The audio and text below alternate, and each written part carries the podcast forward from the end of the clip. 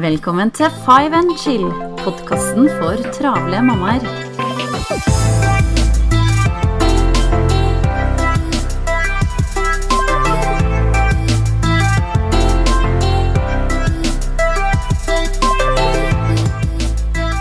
Hei og velkommen til en ny episode av Five and Chill. Janne her. I dag så vil jeg snakke om litt eh, dypere ting, nemlig om hvordan man håndterer motgang.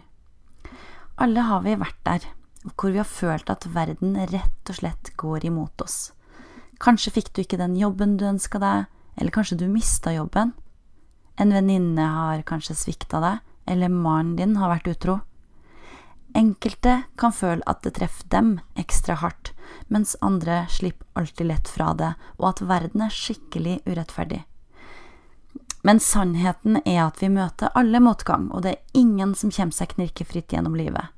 Jeg har sjøl vært der mange ganger, og ofte har jeg følt at det alltid treffer meg. Allikevel så kommer man seg alltid gjennom det, sjøl om det ser mørkt ut en stund.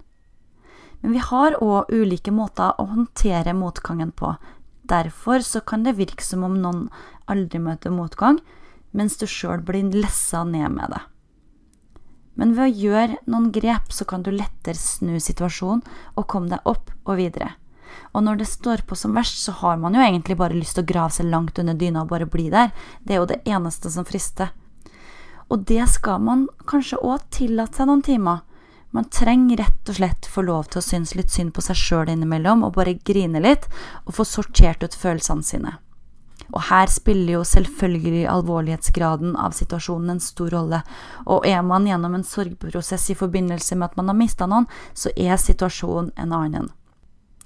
Men skal man komme seg videre når man møter motgang, så må man på et eller annet tidspunkt ta tak i situasjonen, og for din egen del jo før, jo bedre.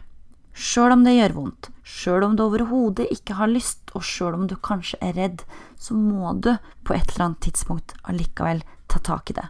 Sjøl om det kanskje høres innlysende ut, og for noen kanskje også litt vanskelig, så bestemmer vi sjøl over tankene våre, så vi kan sjøl styre hvordan vi skal føle oss, og ved å ta grep om situasjonen vi står overfor, så kan vi lettere reise oss. Jeg satte opp eh, fem steg som jeg føler hjelper meg, i hvert fall, når jeg er i en situasjon som jeg føler er veldig tøff. Og det hjelper i hvert fall meg til å, å komme meg opp igjen. Og um, de har jeg lyst til å dele med deg i dag. Start med å skrive ned tankene dine og følelsene rundt situasjonen, men avslutt med å skrive hva du har i livet som er bra, og hva som gjør deg glad. Sett på glad musikk som du vet pleier å gi deg energi. Det er utrolig hva musikk kan gjøre med oss, og hvordan den kan hjelpe oss å snu humøret og energien i løpet av et par sekunder. Gå deg en tur ved sjøen eller i skogen.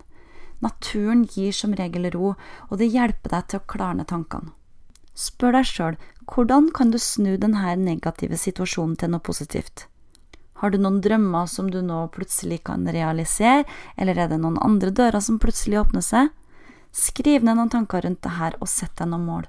På den måten har du noe mer praktisk og konkret å jobbe mot, og på den måten kan du sjøl motivere deg til å komme deg opp og ut av situasjonen. Visualiser resultatet, drøm deg bort og se for deg hvordan du har det når du har oppnådd målene dine. Det var de fem stegene jeg bruker når jeg møter motgang. Hjelper i hvert fall meg å teste dem ut. Kanskje vil de hjelpe deg også.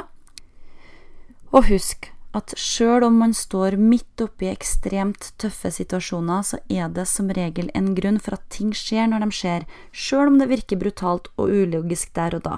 Men hvis du ser tilbake på veien du har gått fram til nå, så vil du se at alle valgene du har tatt gjennom livet, har ført deg dit du er i dag. Det var det jeg hadde for i dag. Jeg ønsker deg en fortsatt herlig dag, og så høres vi igjen om ikke lenge. Ha det bra.